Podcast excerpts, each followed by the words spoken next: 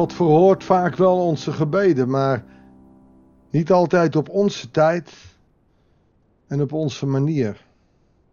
En dat wordt duidelijk in het boek Koningen. In het gedeelte van vandaag zien we dat Hiskia zich tot God gaat wenden. Hij doet dat door voor onze bekende Jesaja, de schrijver, of tenminste de profeet over wie het boek Jesaja ook gaat. De zoon van Amos. Hiskia wendt zich tot de profeet. Hij wil contact met God. En dat is de manier waarop je leeft. Dat is de manier waarop je God groot maakt. Als je Hem bij je leven betrekt. Laten we gaan kijken hoe dat voor Hiskia gaat uitwerken als we lezen uit 2 Koningen 19, de versen 1 tot en met 13.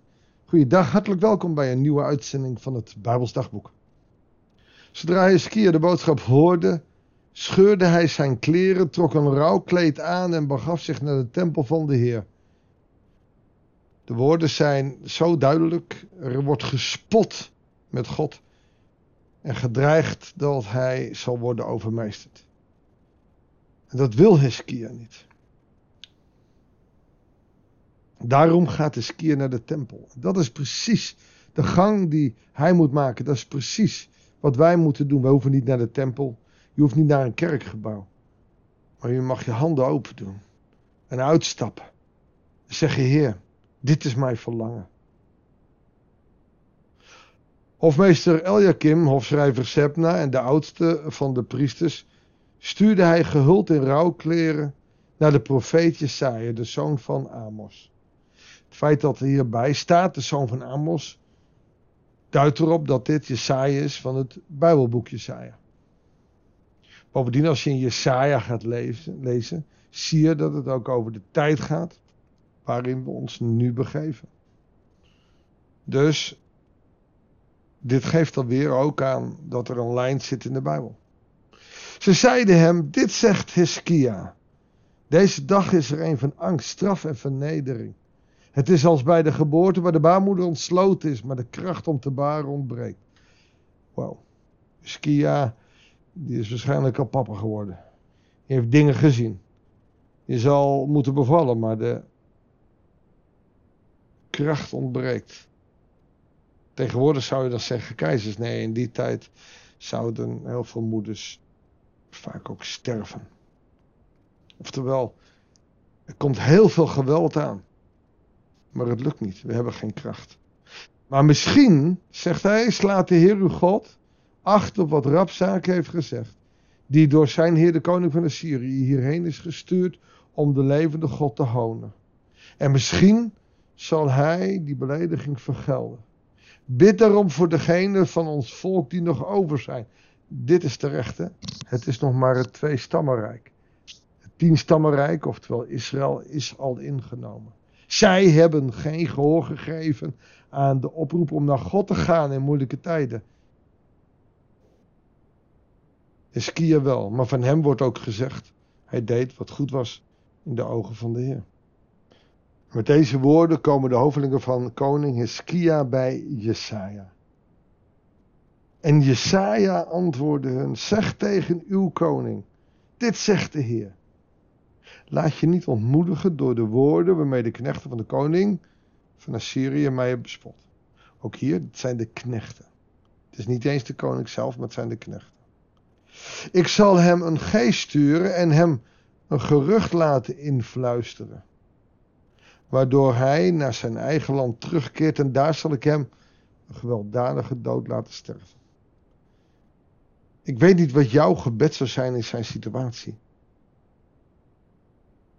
In mijn geval zou ik zeggen, Heere God, wilt u het leger van Assyrië vernietigen en laten verdwijnen uit Israël of eh, laat verdwijnen uit Juda.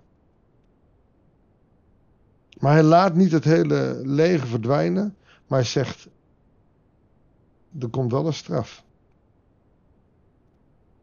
Waarschijnlijk wordt hij gedoeld op de koning van Assyrië. Maar dat is niet wat de Skia volgens mij verwacht. Die wil dat de strijd meteen over is.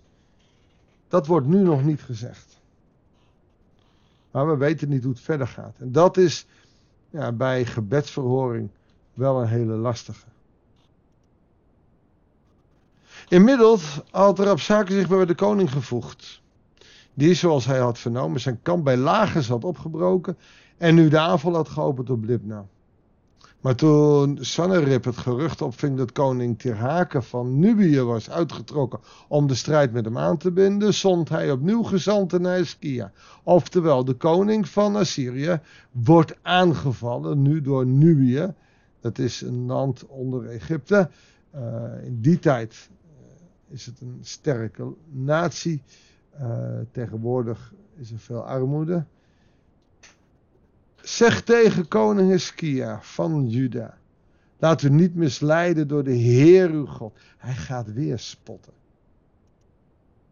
Maar, zoals Hiskia de woorden van Jesaja mocht horen, is dat veel sterker dan de valse profetieën die hier hem proberen te verleiden.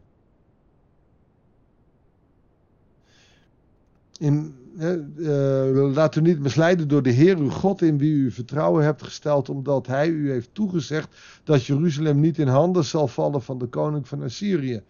U hebt toch zelf gehoord hoe de koningen van Assyrië alle landen vernietigd hebben? Zou u dan gered worden? Gozan, Garam, Rezef en inwoners van Eden in Telassar, die door mijn voorouders werden uitgeroeid, zijn toch ook niet door hun goden gered? Ja, dat kan je nou wel zeggen. Maar dat zijn allemaal dode goden. En waar de koning van Assyrië niet mee handelt, is de levende God. En wat is er geworden? Want hij gaat door met uh, stoken. Van de koningen van Hamat en Arpad. En van de koningen van de stad van Sevirwaim en Hena en Iwa. Toen Hiskia de brief had gelezen die de bode hem had overhandigd, ging hij naar de tempel van de Heer en legde de brief daar open voor hem neer. En hij bad tot de Heer, Heer, God van Israël, u die op de Serep strandt. U alleen bent God van alle koninkrijken op aarde. U hebt de hemel en de aarde gemaakt. Leen mij uw oor. Ik ga te ver. Ik zit al bij vers 15 en 16. De spotternijen gaan door. Maar zou Hiskia nu ook bemoedigd zijn door God?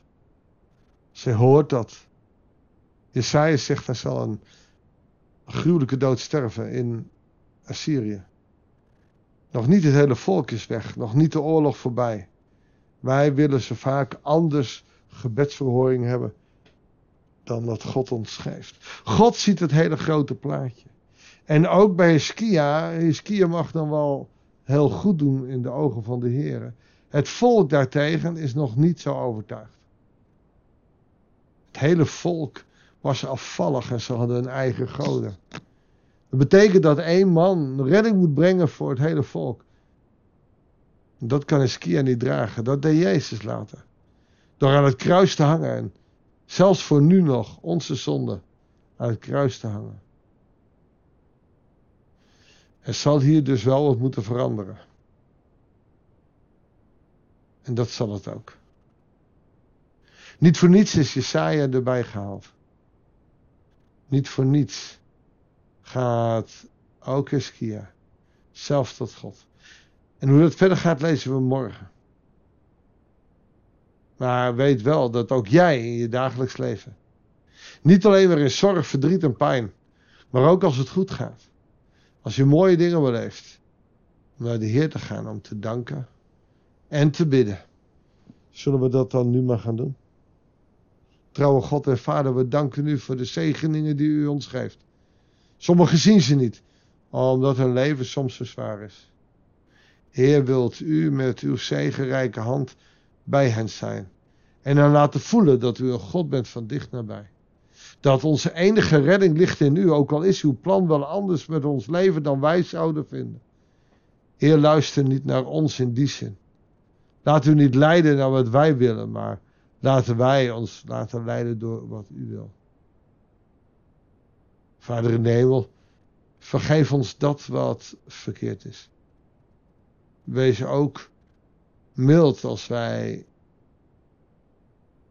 u in de steek laten omdat we te druk hebben met andere dingen. Heer, leer ons zo telkens op u gericht te zijn. Dat bidden we u in Jezus' naam. Amen. Dankjewel voor het luisteren. Ik wens je God zegen en heel graag tot de volgende uitzending van het Bijbelsdagboek.